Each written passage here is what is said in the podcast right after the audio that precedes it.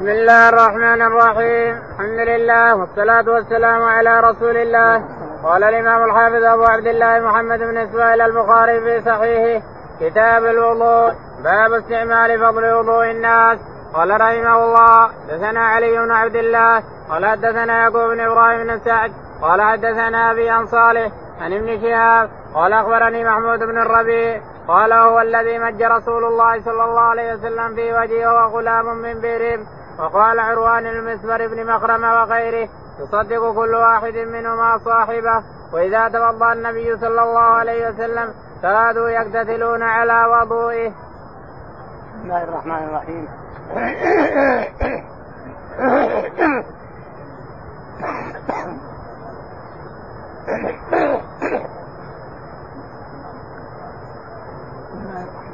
الحمد لله رب العالمين وصلى الله على نبينا محمد وعلى آله وصحبه أجمعين.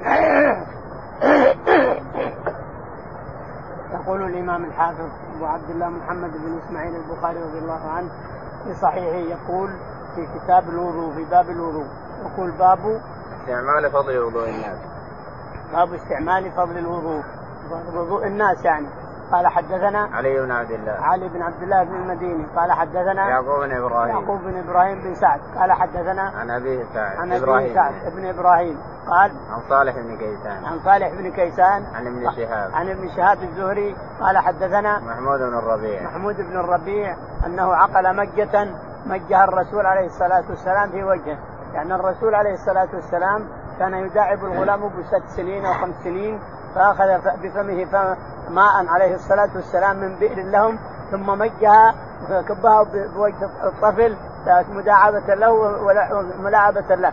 وهو قد دعاه أحد الصحابة رضي الله تعالى عنهم إلى بيت ليصلي له. ما أدري هو عتبان بن مالك ولا الثاني. الله أعلم.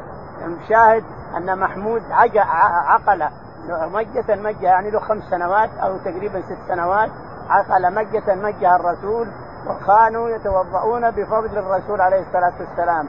يقول المسور بن مخرمة و وقال عروة عن المسور بن مخرمة وغيره مروان بن الحكم. يقول عروة بن الزبير رضي الله تعالى عنه وقال المسور بن مخرمة و مروان بن الحكم. ومروان بن الحكم. يصدق كل واحد منهما يصدق كل واحد منهم الآخر في غزوة في حصره يوم الحصر أنه ما كان يبصق بصقة إلا وقعت في يد إنسان. ولا كان يدفل تفله إلا وقعت ولا كان يعمل شيء إلا وقعت في يد إنسان. حتى إن سهل بن سعد الساعة ما هو سهل سهيل لما جاء يناشد الرسول أو يتفق معه يقول لقريش ما ما رأيت أحدا مثل محمد ما يبصق بسطة إلا وقعت في يد أحد ولا يدخل تفلة إلا وقعت في يده ولا كذا ولا كذا إلى آخره. الشاهد أن الرسول عليه الصلاة والسلام لا يقاس بغيره. الرسول يتبرك الناس بفضلاته لا شك في هذا لكن غيره لا حتى لو بلغ ما بلغ. ما يمكن تقول هذا عبد صالح ولا هذا عالم ولا هذا ما يمكن تبرك بفضلاته اطلاقا. لا تفلانة ولا غير تفلانة. ما يمكن أن يتبرك أحد بفضل أحد ما عدا الرسول عليه الصلاة والسلام وإلا فممنوع وبدعة وترتكب كبيرة الإنسان. لا تقول هذا صالح بتبرك وقل لا. هذا عالم بتبرك تقول لا. ما يمكن تبرك بأحد الإنسان اطلاقا. تدعو يدعو لك مرحبا. يقول يا فلان ادعو لي مرحبا. أدعي لي وأدعي لك. يقول يا فلان اذكرني بخير مرحبا. لكن تبرك بجسد ودم أو بفضلاتي هذا ممنوع اطلاقا لغير الرسول عليه الصلاة والسلام. نعم. باب قال رحمه الله دثنا عبد الرحمن بن يونس قال حدثنا حاتم بن إسماعيل عن الجعد أو الجعيد قال سمعت السائب بن يزيد رضي الله عنه يقول ذهبت ذهبت بي خالتي إلى النبي صلى الله عليه وسلم فقالت يا رسول الله إن ابن أختي وجع فمسى رأسي فدعا لي بالبركة ثم توضأ فشربت من وضوئي ثم قمت خلف داري فنظرت إلى خاتم النبوة بين كتفيه مثل زر الحجلة.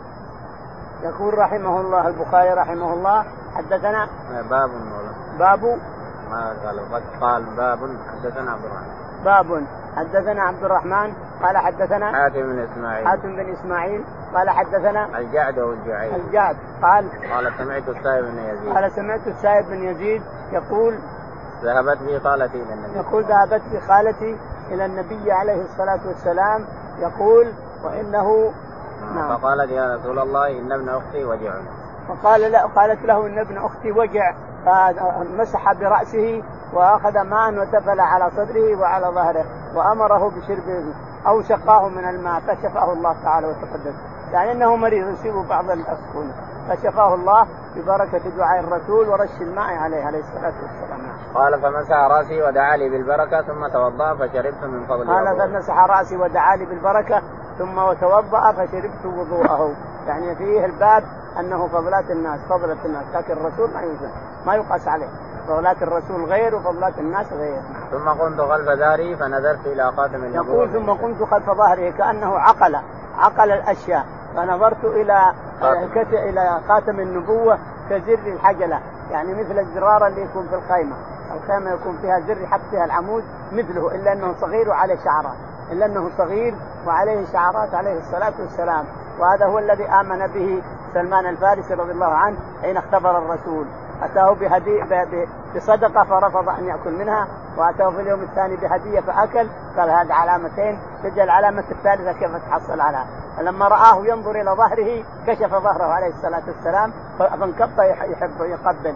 ما لك يا سلمان؟ تعال فقص عليه قصته كلها أنه بيع ثلاث مرات حتى اهتدى إلى المدينة. نعم. باب من مضى واستنشق من غرفة واحدة. قال رحمه الله دثنا مسدد. قال دثنا خالد بن عبد الله. قال دثنا عمرو بن يحيى. عن أبي عن عبد الله بن زيد رضي الله عنه أنه أفرغ من الإناء على يديه فغسلهما ثم غسله مضمض واستنشق من كفة واحدة ففعل ذلك ثلاثا فغسل يديه إلى المرفقين مرتين مرتين ومسى براسه ما اقبل وأدبر. وغسل رجليه إلى الكعبين ثم قال هكذا وضوء رسول الله صلى الله عليه وسلم. يقول البخاري رحمه الله حدثنا باب من مضمض واستنشق من غرفة واحدة. باب باب من مضمض واستنشق من غرفة واحدة. يعني ياخذ الماء بيده هكذا ثم ياخذ ماء بفمه ثم يحطه بفمه بأنفه. ياخذ بفمه ويحط يضعه بأنفه من غرفة واحدة. يجوز إذا أخذت الماء الإنسان بيدك كثير ثم ما أخذت بفمك قليلا ثم دخلت انفك قليلا جائز هذا. يقول رحمه الله حدثنا مسدد. مسدد قال حدثنا خالد بن عبد الله. خالد بن عبد الله قال حدثنا عمرو بن يحيى. عمرو بن يحيى. عن أبيه يحيى. عن أبيه يحيى قال عن عبد الله بن زيد.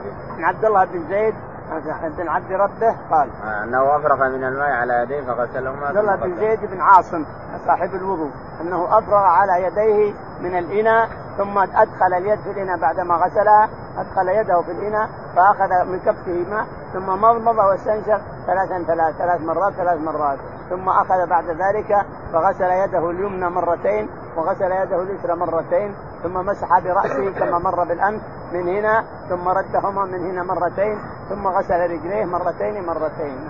ثم قال هكذا وضوء رسول الله. ثم قال هكذا وضوء الرسول عليه الصلاة والسلام. يعني هكذا رأى الرسول يتوضأ. نعم.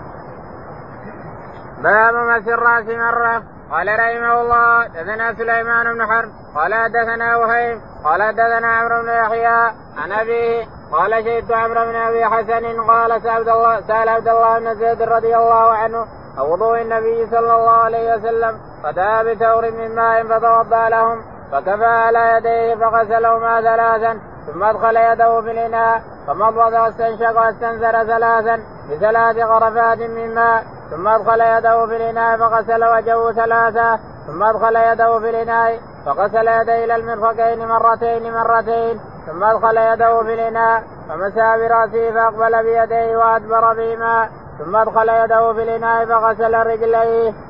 يقول البخاري رحمه الله باب من غسل من مسح برأسه مرة. يعني أنه بغرفة واحدة. ولا في الحديث أنه مسح هنا ثم جاهز ثم رجع معناه مرتين. لكن أنه بغرفة واحدة. هذا مقصود الباب. يقول باب من مسح رأسه مرة واحدة. فالباب في الحديث أفاد أنه مدى من هنا ثم رجع ثم رجع بهما فهو مرتين.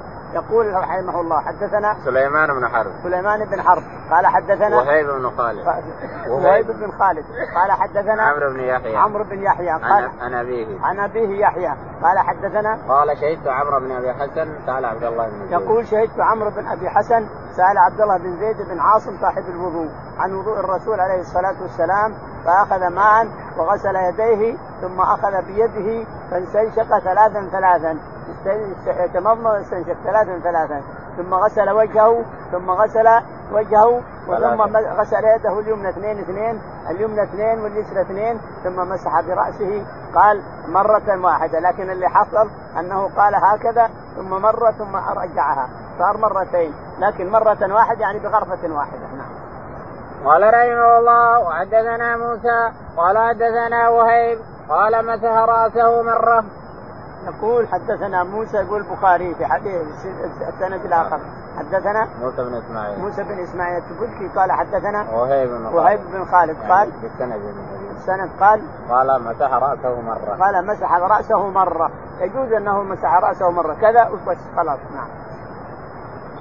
باب وضوء الرجل مع امرأته وفضل وضوء المرأة. وتوضأ عمر بالحميم من بيت النصرانية. قال حدثنا عبد الله بن يوسف قال أخبرنا مالك النافع عن ابن عمر رضي الله عنهما أنه قال كان الرجال والنساء يتوضؤون في زمان رسول الله صلى الله عليه وسلم جميعا. يقول رحمه الله باب وضوء الرجل مع امرأته. وضوء الرجل مع امرأته يقول حدثنا وفضل وضوء المرأة. وفضل وضوء المرأة هل هو طاهر ولا نجس؟ فضل وضوء المرأة تتوضأ هل هو طاهر ولا مستعمل؟ وتوضأ عمر بالحميم من بيت النصرانية. وقال وتوضأ عمر بالحميم من بيت النصرانية. نصراني من بيت نصرانية. النصرانية ما تنقص الماء. صار عندها ماء تأخذ توضأ فيه الإنسان إذا سمحت توضأ ما ينفع. كون نصراني أو كافرة ما يضر الماء كونك تأخذ منه توضأ أو تغتسل ما يضر كفر كفر عليه.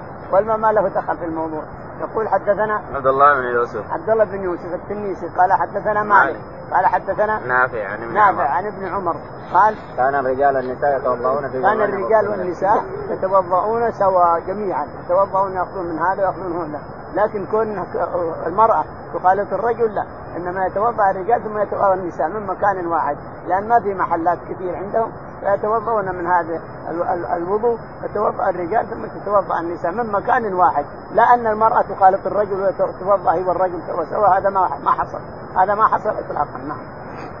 باب سب النبي صلى الله عليه وسلم وضوءه على المغمى عليه. قال رحمه الله دثنا أبو الوليد قال حدثنا شعبة عن محمد بن المنكدر أنه قال سمعت جابر رضي الله عنه يقول جاء رسول الله صلى الله عليه وسلم يعودني وأنا مريض لا اعقل فتوضأ وسب علي من وضوئي. فعقلت فقلت يا رسول الله لمن الميراث؟ إنما يرثني كلالة فنزلت آية الفرائض.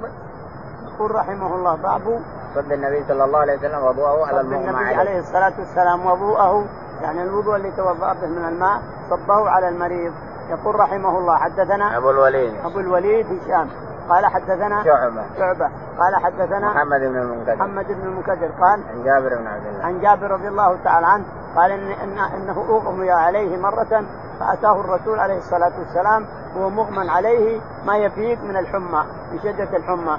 يقول فتوضأ الرسول عليه الصلاة والسلام ثم صبه على جابر فأفاق. جابر رضي الله عنه. فأفاق لما أحس بالماء أفاق. فلما أفاق الرسول عليه الصلاة والسلام قال يا رسول الله أنه يخاف يموت من المرض خاف أموت وأنا ما وراي إلا الكلالة ما وراي إلا نساء ست نساء أو سبع نساء فما فما ميراثهن. فنزلت آية المواريث التي في النساء. نعم. باب الغسل والوضوء في المخضب والقدح والخشب والحجارة. قال رحمه الله دثنا عبد الله بن منير أنه سمع عبد الله بن بكر قال حدثنا حميد عن أنس رضي الله عنه قال حضرت الصلاة فقام من كان على قريب الدار إلى أهله. وبقي قوم فأوتي رسول الله صلى الله عليه وسلم بمخضب من حجارة فيه ماء فصغر المخضب أن يبسط فيه كفه فتوضأ القوم كلهم. قلنا كم كنتم؟ قال ثمانين وزيادة. يقول رحمه الله البخاري باب الغسل والوضوء في المخضب الغسل والوضوء في المخضب وفي الثور وفي أحيانا يجيبون اسم ثور وأحيانا يجيبون مخضب وأحيانا يجيبون كذا. هي أواني الصحابة رضي الله عنهم قليلة النحاس قليل. النحاس عندهم قليل لكن يستعملون الفخار هذا الطين اللي يشوى الطين اللي يشوى يصير أواني كلهم.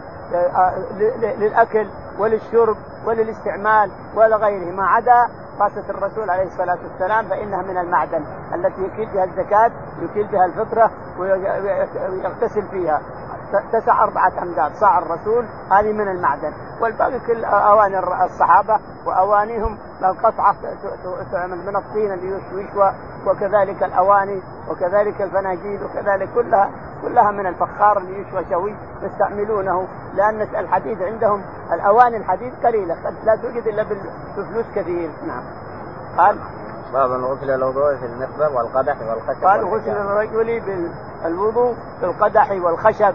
جائز خشب من دور إذا كان مصمد ما يخرب. خشب وفخار ومعدن أي إناء الانسان يستعمله جائز لكن الماء يشترط أن يكون طهور. الماء اللي تتوضأ به أو تغتسل به يشترط أن يكون طهور وأن يكون مباح. أو ان يكون طهور وهو ما نزل من السماء ونبع من الأرض. الطهور الذي لا يمكن أن يتوضأ فيه الإنسان إلا هو إلا الإنسان أو يغتسل إلا إذا نزل من الذي نزل من باق على خلقته. الذي نزل من السماء أو نبع من الأرض باق على خلقته. هذا الطهور الذي يطهر الناس من من للوضوء وللغسل. ما يطهرك إلا اللي باقي على خلقته. الطهور يجب أن يكون طهورا. الماء يجب أن يكون طهور. فلو مثلا استعمل في لبن أو استعمل في حليب أو استعمل في سمن أو في خضاب أو في شيء وبقى فيه ما يسمى طهور يسمى طاهر غير مطهر لكن إذا احتجت إليه تتوضأ منه إذا ما وجدت غيره فاسمه ماء فهو ماء يتوضا منه الإنسان. إلا إذا غلب اللون قالوا هذا لبن ما هو ماء. فلا تتوضأ منه لأنه صار انقلب الاسم من ماء إلى لبن أو إلى حليب أو إلى حنة أو شيء من هذا. أما ما دام اسمه ماء فإنه لا يجوز الوضوء به إلا عند الحاجة. إذا ما وجدت غيره فإن اسمه ماء. تتوضأ الانسان عند الفقهاء انك تتيمم لكن لا ما, لا ما عليه دليل. التيمم ما عليه دليل. تتوضأ يكون مستعمل تتوضأ الانسان فيه لأنه ماء. أما الطهور فهذا إذا كان طهورا مباح أيضا. إذا كان مغصوب ما يجوز تتوضأ. إذا كان مغصوب ما يجوز تتوضأ به. السؤال هنا إذا الاناء عندي مغصوب الإناء هذا اغتصبت من إنسان وضعت به ماء طهورا أريد أن أتوضأ به؟ هل يصح وضوئي؟ يقول نعم لأن غصب الإناء ما له دخل في الموضوع. أو غصب الأرض تصلي فيها ما لها دخل في الموضوع. فالشاهد أن الماء هو اللي يشترط أن يكون طهورا مباح. الماء يشترط أن يكون طهور وأن يكون مباح أيضا ما هو مغصوب. نعم. قال حدثنا عبد الله بن يقول البخاري رحمه الله حدثنا عبد الله قال حدثنا عبد الله بن بكر. عبد الله بن بكر قال قال حدثنا حميد. قال حدثنا حميد قال حدثنا أنس بن مالك. أنس بن مالك رضي الله عنه أن النبي عليه الصلاة والسلام نعم. قال حضرت الصلاة فقام من كان قريب الدار إلى اهله يقول أنس حضرت الصلاة إحدى الصلوات فقام من كان قريبا بيته إلى بيته يتوضأ. وبقي الذين ما ما لهم ما هي قريب بيوتهم يريدون أن يتوضأوا ما فيه ماء. فأحضر الرسول عليه الصلاة والسلام. شيئا من الماء ووضع يده في الإناء وقال توضأوا فتوضأ الجميع كلهم. قالوا كم كانوا؟ قال حوالي الثمانين أو أكثر من الثمانين. لو كانوا ألف ما ما ما دام خرج من أصابع الرسول بيتوضأوا لو هم ألف. نعم. فأتي رسول الله صلى الله عليه وسلم بمخبز من حجارة في إمام فصغر المخبز أن يبسط فيه كفه فتوضأ الصلاة. يقول إنه يحضر الرسول بثور من حجارة منقورة، حجارة منقورة صارت الإناء فيها ماء فأراد أن يتوضأ الناس لكنه ضاق فجعل أصابعه فيها وتوضأ الناس كلهم نعم. قال كم كنتم؟ قال ثمانين وزيادة. أو أكثر ثمانين وأكثر نعم. قال رحمه الله حدثنا محمد بن العلاء قال حدثنا أبو أسامة عن بريد عن أبي بردان أبي موسى رضي الله عنه أن النبي صلى الله عليه وسلم دعا بقدح في ماء فغسل يديه ووجهه فيه ومج فيه. يقول البخاري رحمه الله حدثنا محمد بن العلاء. محمد بن العلاء قال حدثنا أبو أسامة. أبو أسامة هذا أبو كريب يسمى وهذا أبو أسامة حماد قال حدثنا بريد.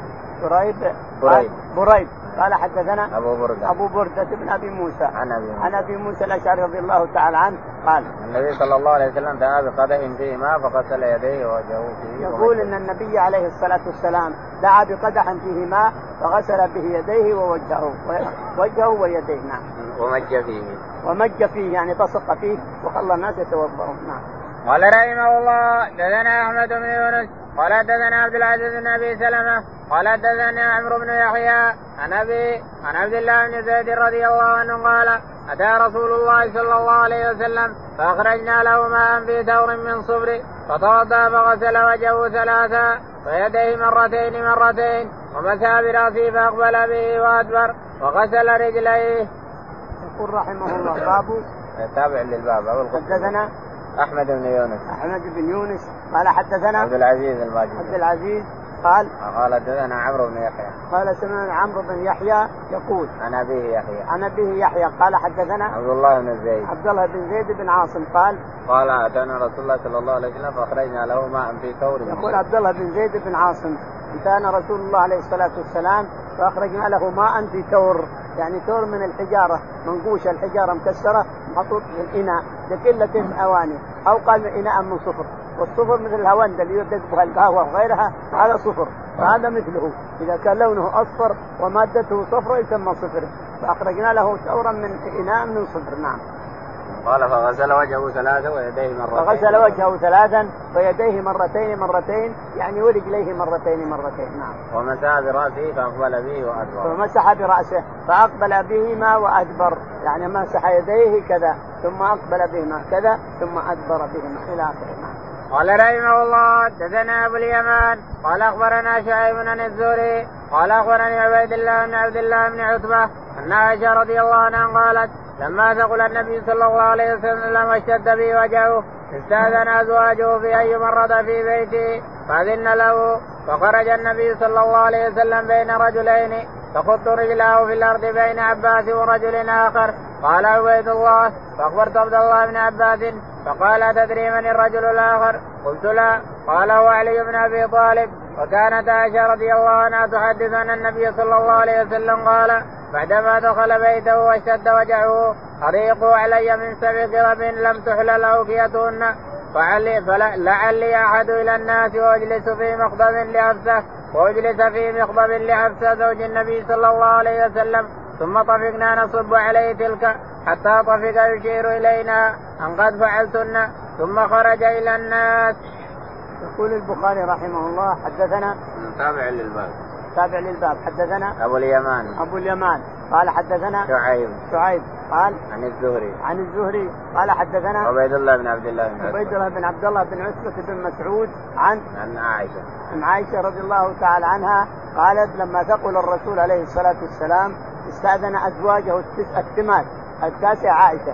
استأذن أزواجه الثمان أن يجلس في بيتي لأنه ثقل خلاص ما عاد يقدر يدور ما يستطيع يدور على النساء. لكن إذن لي أنا في بيت عائشة. فأذن له جميعهن الثمان أذن له أن يتمرض في بيت عائشة. يقول عائشة رضي الله تعالى عنها ثم لما ثقل في بيتي قال قال لي قال لزوجاته حضرنا زوجاته عند مرضه الشديد. فقال لهن اتئن بقرب سبع ما حلت ما فكت أوقيتهن. سبع قرب من الشن البارد مرة اللي في الثلاجات ائتنا بسبع. فأتوه بسبع قرب لم لم تحل اوقيتهن وجلس في مخضب لحفصه المخضب الطشت الكبير. الطشت الكبير جلس بوسطه طشت كبير والنساء يصبون عليه. يصبون عليه يصبون عليه. يقول بركة فعلتن قد فعلتن يكفي قد فعلتن. ولما انتهى ولبس ثيابه عليه الصلاة والسلام. خرج تجر رجليه يجر رجليه عليه الصلاة والسلام. بين العباس ورجل آخر عائشة رضي الله تعالى عنها من يوم قال للرسول عليه الصلاة والسلام يا يا رسول الله لا تحزن النساء سواها كثير. لما جاء الإفك الإفك النساء سواها لا تحزن. النساء سواها كثير. كأنها أخذت بقلبها على عائشه على علي. كأنها حزنت وكأنها حقدت على علي. كيف يقول له النساء سواء يعني طلقني ياخذ غيري هذه ما هي مشورة مسلم صديق. ما هي مشورة صديق؟ لا يا علي. فكانت لا تذكر علي إلا بكنية. يقول فخرج بين رجلين العباس بن عبد المطلب ولم تذكر الثاني.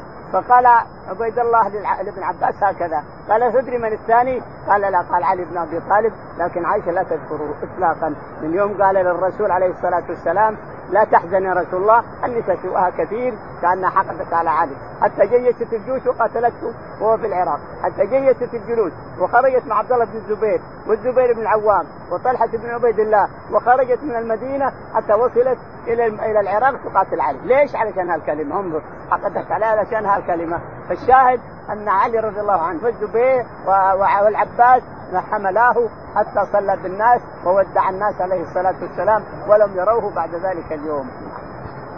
باب الوضوء من التور. قال رحمه الله دثنا خالد بن مخلد قال دثنا سليمان قال دثني عمرو بن يحيى عن أبي أنه قال كان عمي يكثر من الوضوء. قال لعبد الله بن زيد رضي الله عنه أخبرني كيف رأيت النبي صلى الله عليه وسلم يتوضأ؟ فدعا بتور من ماء فكفى على يديه فغسلهما ثلاث مرات ثم أدخل يده في التور فمضض واستنزل ثلاث مرات من غرفة واحدة ثم أدخل يده فاقترف بها فغسل وجهه ثلاث مرات ثم غسل يديه إلى المرفقين مرتين مرتين ثم أخذ بيده ماء فمسى رأسه فأدبر به وأقبل ثم غسل رجله فقال هكذا رأيت النبي صلى الله عليه وسلم يتوضأ. الوضوء مشهور كثير عن عبد الله بن زيد بن عاصم ولهذا يسمى صاحب الوضوء كثير الذي يصف وضوء الرسول عليه السلام مرار كثيره يقول رحمه الله البخاري حدثنا باب الوضوء من التور. باب الوضوء من التور. التور مع حجر ينقش ينقر ويصير للماء أو أنه من الفخار اللي يشوى من الطين اللي يشوى من جنس اللي يسوي أشجار ومع أشجار وشربه وما شربة. من جنسه من الطين اللي يشوى يسمى تور أيضا. أو أنه ينقر من الحجارة حتى يصير إناء يسمونه تور. كله يسمى تور. فالشاهد أنه قال حدثنا خالد بن مخلد. خالد بن مخلد. قال حدثنا سليمان بن بلال. سليمان بن بلال. قال حدثنا عمرو بن يحيى. عمرو بن يحيى. عن أبيه. عن أبيه يحيى. قال قال كان عمي يكثر من الوضوء. قال كان عمي يكثر من الوضوء. قال فسأل عبد الله بن زيد بن عاصم صاحب الوضوء أن يسال يريه وضوء الرسول عليه الصلاة والسلام. يقول فأحوى عبد الله بن زيد وضوءا بثور ثم أفرغ على يديه ثم بعدها أخذ بيده فغسل تمضمض واستنشق ثلاثا ثلاثا لاحظ تمضمض واستنشق ثلاثا ثلاثا ثم غسل وجهه ثلاث مرات ثم غسل يده اليمنى مرتين واليسرى مرتين ثم مسح برأسه. أحيانا يقول مرة واحدة واحيانا يقول مرتين يعني يبدأ من هنا وينتهي ثم يرجع يسمى مرتين. وإن كان من غرفة واحدة قد يسمى مرة. الشاهد ثم غسل رجليه مرتين مرتين وقال هكذا رأيت الرسول عليه الصلاة والسلام يتوضأ نعم. قال رحمه الله دثنا مسدد قال دثنا حماد عن ثابت عن أنس رضي الله عنه أن النبي صلى الله عليه وسلم دعا بإناء من ماء فوطي بقدح رحداه فيه شيء من ماء فوضع أصابعه فيه قال أنس وجعلت أنظر إلى الماء ينبع من بين يدي أصابعه قال أنس فهرزت من توضأ ما بين السبعين إلى الثمانين.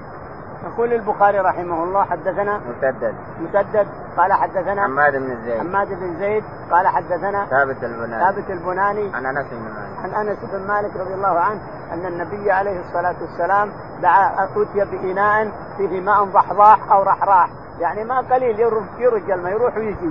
الماء الإناء واسع شوية والماء قليل يروح الماء ويجي رحراح أو قال رحراح يقول فلا وضع يده نعم. فوضع أصابعه فيه. فوضع أصابعه عليه الصلاة والسلام الشريفة في وسط الماء ثم توضأ ووضع الناس توضأ الناس يقول فرأيت الماء ينبع من بين اصابعه هذه مرات كثيرة حصلت. تكثيره للماء عليه الصلاة والسلام. ووضوء الناس منه حصلت مرات كثيرة. حصلت مرات في البر ومرة في البلد ومرة حين حصر عن مكة. إلى آخره. فحصل له مرات. تكثيره للماء تكثيره للطعام. حصل مرات كثيرة عليه الصلاة والسلام. نعم. قال أنس فحرزت من توضأ ما بين السبعين إلى الثمانين يقول أنس فحرزت ما ليتوضأوا من بين أصابع الرسول. فإذا هم من السبعين إلى الثمانين هم ثمانين كما ورد في الحديث الأول. باب الوضوء بالمد. قال رحمه الله دثنا أبو نعيم قال دثنا مسر قال دثنا ابن جبر قال سمعت أنس رضي الله عنه يقول كان النبي صلى الله عليه وسلم يغسل أو كان يغتسل بالساء إلى خمسة أمداد ويتوضأ بالمد. يقول رحمه الله باب الوضوء بالمد، المد ربع الصاع، الصاع النبي عليه الصلاة والسلام معدن طاسه كبيرة يكيل فيها التمر إذا نشف والحبوب إذا نشفت يكيل الزكوات يكيل الفطرة في هذه الطاسه ويغتسل من بملئها من المعدن ولها طار قليل من هنا. فهي إناء الرسول عليه الصلاة والسلام. وأحيانا يغتسل بإناء غيرها إلى آخره. الشاهد يقول باب الوضوء من؟ بالمد. بالمد يعني ربع الصاع. المد ربع الصاع. والطاسة أربعة أمداد. والمد عشرة لأن الصاع أربعة أربعين رطلا فالمد أربعة عشرة أرطال يقول حدثنا أبو نعيم. أبو نعيم. قال حدثنا مسعر بن كدام. نعم. مسعر مسعر بن كدام. قال حدثنا عبد الله بن عبد الله بن عبد الله بن عبد الله بن عبد الله بن ابن جبر. ابن جبر. قال حدثنا أنس بن مالك. أنس رضي الله تعالى عنه أن النبي عليه الصلاة والسلام نعم. قال كان النبي صلى الله عليه وسلم يغسل أو يغتسل بالصاع إلى خمسة امداد يقول كان النبي عليه الصلاة والسلام يغتسل أو يغسل بالصاع إلى خمسة أمداد لكن هو أربعة أمداد. أربعة الصاع أربعة أمداد يعني أربعة. كل مد عشرة امداد ويتوضأ بالمد. ويتوضأ بالمد الواحد. يتوضأ بالمد والمد قليل كما ترون. ربع الصاع نعم. باب المسي على الخفين قال رحمه الله دثنا أسبق بن الفرج المصري عن ابن وهب. قال حدثني عمرو. قال حدثني أبو النضر. عن أبي سلمة بن عبد الرحمن عن عبد الله بن عمر عن سعد بن أبي وقاص عن النبي صلى الله عليه وسلم أنه مسى على الخفين وأن عبد الله بن عمر سأل عمر عن ذلك فقال نعم إذا حدثك شيئا سعد عن النبي صلى الله عليه وسلم فلا تسال غيره وقال موسى بن عقبة أخبرني أبو النضر أن أبا سلمة أخبره أن سعدا حدثه فقال عمر لعبد الله نحوه. يقول البخاري رحمه الله باب المسح على الخفين. يعني لبس الإنسان خفين يسمون الجوربين يسمون الخفين يسمون الشراب. هنا وجلد تحته مرتين أو ثلاث صفحتين أو ثلاث لماطة لكنه إلى هنا. إلى هنا يستر الكعبين الصوف يستر الكعبين والجلد إلى هنا وتحته الماطة ثلاث ثلاث طبقات إلى آخره. فالشاهد الجورب من سواء يصير جلد كله أو يصير صوف جلد أو يصير مثلا شراب متينة ما يرى ما يرى منها القدم كل شيء ما يرى منه القدم ويثبت بنفسه فيجوز المسح عليه إلى آخره. قال حدثنا أصبغ بن الفرج. أصبغ بن الفرج. قال حدثنا عبد الله بن وهب. عبد الله بن وهب. قال حدثنا عمرو بن الحارث. عمرو بن الحارث. قال حدثنا أبو النضر. أبو النضر سالم. مولى بن مطيع قال عن أبي سلمة بن عبد عن أبي سلمة بن عبد الرحمن عن عبد الله بن عمر. عن عبد الله بن عمر رضي الله تعالى عنه. عن سعد بن أبي وقاص. عن سعد بن أبي وقاص. إن سعدا قال إن النبي عليه الصلاة والسلام مسح على الخفين. نعم مسح على الخفين. مسح على الخفين وقال مسح على الجوربين.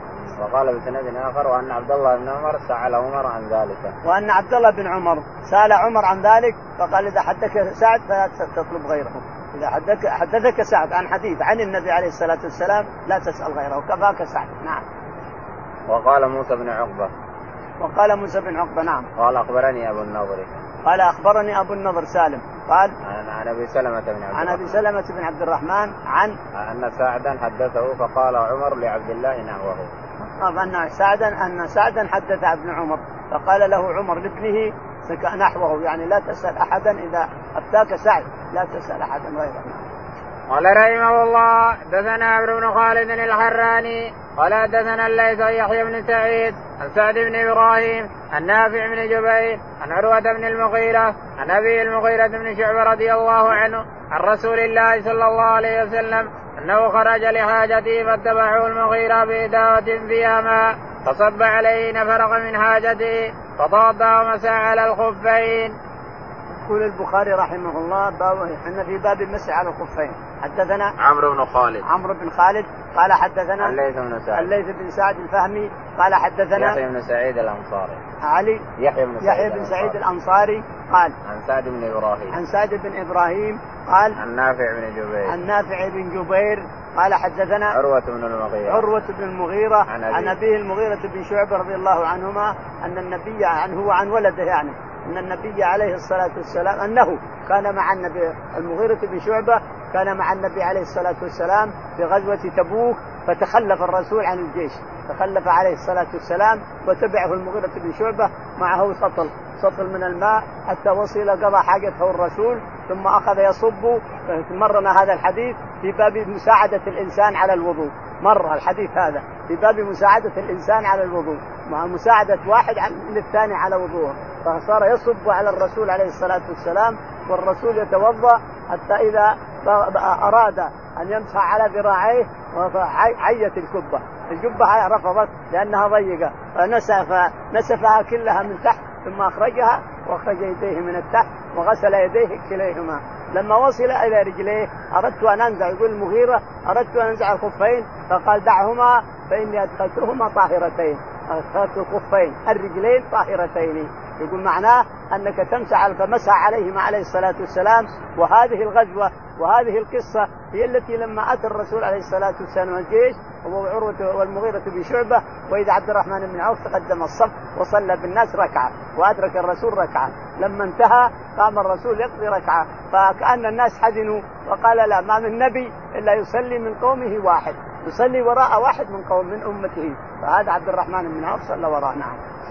قال رحمه الله دثنا أبو نعيم قال دثنا شيبان اي يحيى عن أبي سلمة عن جعفر بن عمرو بن أمية الضمري أن أباه رضي الله عنه أخبره انه راى النبي صلى الله عليه وسلم يمسح على الخفين تابه حرب بن شداد وابان ان يحيى.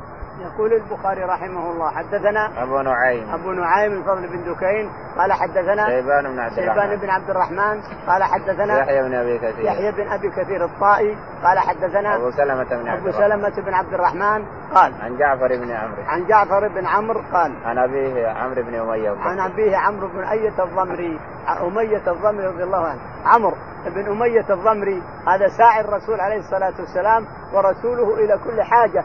تبدو للرسول يذهب ويأتي إلى هنا ويأخذ الأسارة من قريش وإذا لحق واحد ما تلحقه الخيل يركض ما تلحقه الخيل ما تلحقه. يطير يأخذ الأسرى من قريش برغم أنوفهم ويطلع بهم ويخبيهم بغيران الجبال ثم إذا أدركه قريش وعلموا وأدركوه هرب ولا تدركه ما تدركه ما تدركه الخيل وهو الذي أتى بأم حبيبة رضي الله عنها وأرضاها. أتى بها من الحبشة. رسول للرسول عليه الصلاة والسلام ووكيل للرسول على قبول نكاح أم حبيبة رضي الله تعالى عنها. هو الذي قبل النكاح للرسول عليه الصلاة والسلام في الحبشة. والنجاشي رضي الله عنه هو ولي أمرها لأن ولي الملك هو ولي أمر المرأة إذا كان ما لها ولي. فعقد النكاح. النجاشي وتولى آه، قبول النكاح للرسول عمرو بن أية الضمري وأعطاه الرسول أعطاها الرسول صدق لها 500 دينار ذهب. قالت أنا تزوجني الرسول عليه الصلاة والسلام خذ يا عمرو. فهذه الفلوس لك بشاره لك أن تصير زوجة لصفوة الخلق عليه الصلاة والسلام. انظر غريبة. في الحبشة غريبة مجلوعة مات زوجها وبقيت وحيدة غريبة شريدة ورزقها الله بصفوة الخلق وحملها إلى الشعيبة كانت الشعيبة في مينا مكة. فأخذ ناقتين وأركبها على واحدة وركب حتى أوصلها المدينة رضي الله عنه. هذا عمرو بن أمية الضمري. هذا جعفر يروي عن أبيه عمرو بن أمية الضمري. قال أنه رأى النبي صلى الله عليه وسلم يمسح على الخفين. أنه رأى النبي عليه الصلاة والسلام يمسح على الخفين. هذا عمرو رأى الرسول يمسح على خفيه. مسح الخفين من السنن لأنه جاء بأحاديث معارضة للصحيحين جاء بأحاديث صحيحة معارضة للصحيحين فهو رخصة. المسح على الخفين رخصة صدقة تصدق بها رخص السفر كلها صدقة تصدق الله بها على عباده. فالرخصة جاءت بأحاديث صحيحة معارضة لأحاديث صحيحة. نعم. قال تابعه حرب بن شداد. قال تابعه حرب بن شداد. وأبان. وأبان بن يزيد. آه، عن يحيى بن أبي كثير. عن يحيى بن أبي كثير الطائي. لكن تابع من؟ تابع شيبان بن عبد شيبان بن جميل. شيبان بن عبد الرحمن نعم. قال رحمه الله دثنا عبدان قال أخبرنا عبد الله قال أخبرنا الأوزاعي عن يحيى عن أبي سلمة عن جعفر بن عمرو عن ابيه رضي الله عنه أنه قال رأيت النبي صلى الله عليه وسلم يمسح على امامته وخفيه وتابعه معمر عن يحيى عن أبي سلمة عن عمرو. قال رأيت النبي صلى الله عليه وسلم.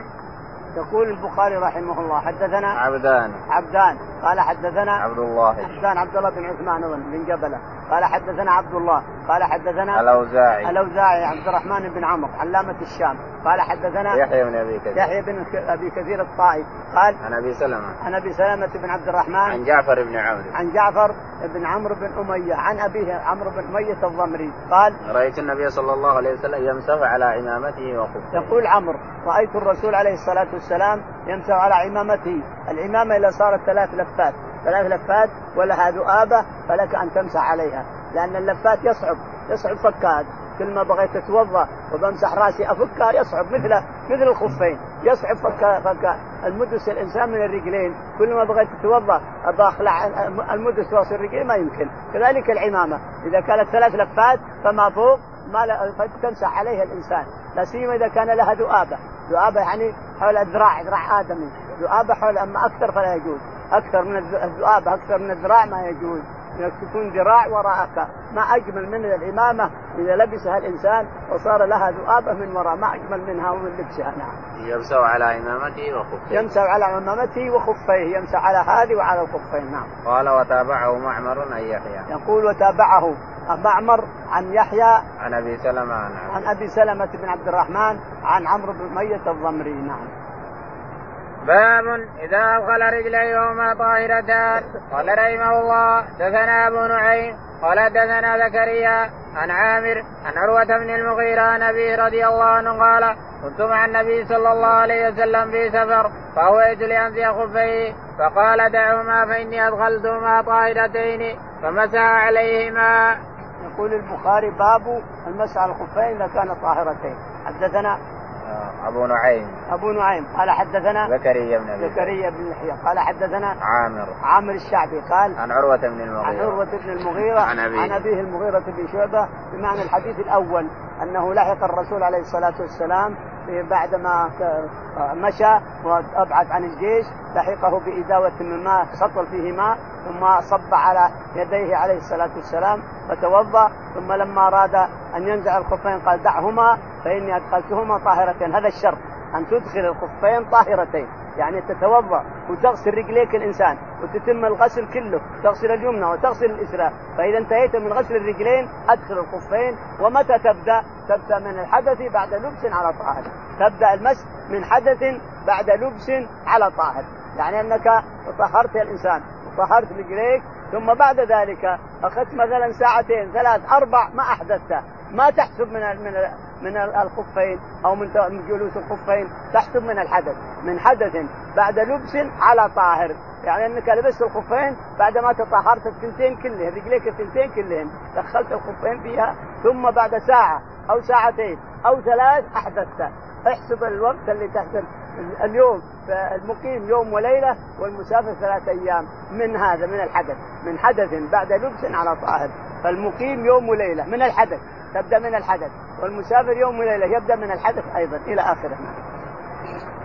باب من لم يتوضأ من لام الشاة والسويق وأكل أبو بكر وعمر وعثمان رضي الله عنهم فلم يتوضأوا. قال رحمه الله دثنا عبد الله بن يوسف قال أخبرنا مالك عن زيد بن أسلم عن عطاء بن يسار عن عبد الله بن عباس رضي الله عنهما أن رسول الله صلى الله عليه وسلم أكل كتف شاة ثم صلى ولم يتوضأ.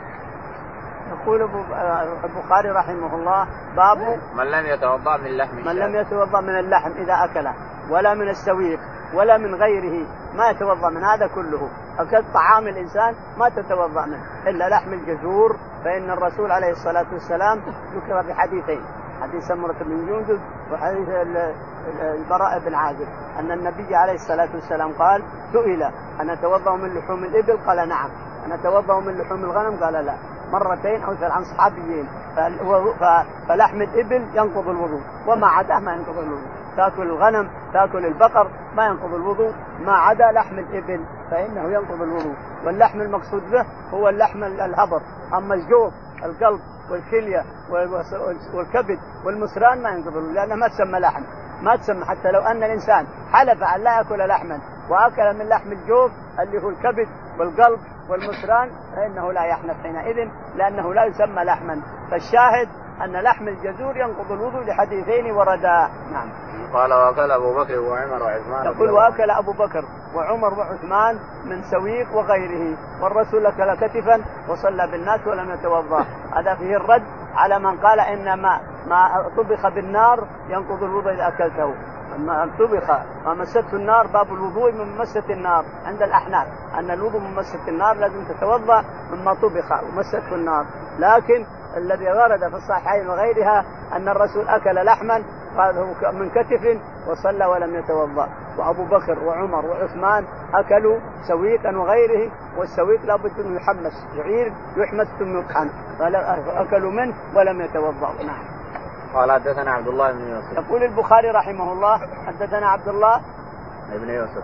بن يوسف. قال حدثنا مالك بن أنس. مالك بن أنس. قال حدثنا زيد بن أسلم. زيد بن أسلم. قال عن عطاء بن يسار. عن عطاء بن يسار. قال حدثنا عبد الله بن عباس. عبد الله بن عباس رضي الله عنهما. نعم. أن رسول الله صلى الله عليه وسلم أكل كتف شاة ثم صلى ولم يتوضا أن الرسول عليه الصلاة والسلام أكل لحم شاة ثم صلى ولم يتوضأ. قال رحمه الله دثنا يحيى بن بكير قال حدثنا الليث عن عقيل عن ابن شهاب قال أخبرني جعفر بن عمرو بن أمية أن أباه رضي الله عنه أخبره أنه رأى رسول الله صلى الله عليه وسلم يهتز من كتف شاة فدعي إلى الصلاة فألقى السكين فصلى ولم يتوضأ. يقول البخاري رحمه الله حدثنا يحيى بن بكير. يحيى بن بكير قال حدثنا الليث بن سعد. الليث بن سعد قال حدثنا عقيل بن خالد. عقيل بن خالد عن الزهري قال عن جعفر بن عمرو بن عن جعفر بن عمرو بن أمية الضمري أن عمرو بن أمية رأى الرسول عليه الصلاة والسلام دعي إلى الصلاة وهو يحتز من كتف فألقى السكين. يقول أبو هريرة ما علمت أن هناك سكين إلا من هذا الحديث. لما قال إيه السكين؟ فألقى السكين وذهب يصلي. لا أدري هل قرأ سورة يوسف ولا ما قرأ ذلك اليوم. أبو هريرة إسلامه سنة سبع في خيبر. فلا أدري هل قرأ سورة يوسف وإلا فالسكين مذكورة في سورة يوسف. نعم. باب من مضمض من السويق ولم يتوضأ. قال رحمه الله دثنا عبد الله بن يوسف قال أخبرنا مالك عن يحيى بن سعيد عن بشير بن يسار مولى بني حارثة أن سويد بن النعمان أخبره رضي الله عنه انه خرج مع رسول الله صلى الله عليه وسلم خيبر حتى إذا كانوا بالصحباء وهي أدنى خيبر فصلى العصر ثم دعا بالأزواد فلم يؤت إلا بالسويق فأمر به فسري فأكل رسول الله صلى الله عليه وسلم وأكلنا ثم قام إلى المغرب فمضمض ومضمضنا ثم صلى ولم يتوضأ. يقول البخاري رحمه الله باب من مضمض من السويق من مضمض من, من السويق ولم يتوضأ، السويق هو الشعير كما سمعنا، الشعير يحمس ثم بعد ذلك يطحن ثم بعد ذلك يحط عليه سمن ويحط عليه شوية من العسل ثم يصير أحسن طعام، أحسن طعام، الشعير إذا حمسته الإنسان ثم طحنته ثم خلطت معه سمن البر سمن من البر ثم بعد ذلك جعلت معه قليل من العسل صار أحسن طعام يوجد على وجه الأرض. يقول البخاري رحمه الله حدثنا عبد الله بن يوسف. عبد الله بن يوسف قال حدثنا مالك, مالك قال حدثنا يحيى بن سعيد. يحيى بن سعيد قال حدثنا بشير بن يسار. بشير بن يسار بشير بالضم بشير بن يسار مع ابن كعب بالضم والبقية بانفتاح بشير بن يسار مع ابن كعب بالضم والبقية بانفتاح كل ما يجد يأتيك من بشير فهو بالفتح. بشير بشير بشير إلا الاثنين. بشير بن يسار وبشير بن كعب بالضم والبقية بانفتاح يقول بشير بن يسار نعم. عن سويد بن النعمان. عن سويد بن النعمان. قال حدثنا؟ قال أنه خرج مع رسول الله صلى الله عليه وسلم عام خيبر. يقول خرج مع الرسول عام خيبر. فلما خرج الرسول من خيبر انتهى وقسم الغنائم وانتهى وخرج من خيبر يريد المدينة فيه جبل يسمى الصحبه كبير أحمر. يسمى الصحبه هو الذي بنى بصبية تحته. يقول دعا نزل ودعا بالأزواج. فلم يؤتى بالذهاب إلا بالسويق لأنه خفيف. السويق خفيف طحين طحين شعير. تأخذ معك الإنسان بكيس وإلا بخريطة ولا بشيء. فأتوا بالأزواج يزودهم شعير كله سوي من السويق. فلته السويق كله وأكل عليه الصلاة والسلام وأكل الصحابة ثم مضمضوا وخرجوا إلى الصلاة صلاه المغرب فصلى عليه الصلاة والسلام ولم يتوضأ. اللهم اهدنا فيمن هديت وعافنا فيمن عافيت وتولنا فيمن توليت. اللهم توفنا مسلمين والحقنا بالصالحين رب العالمين. المتينة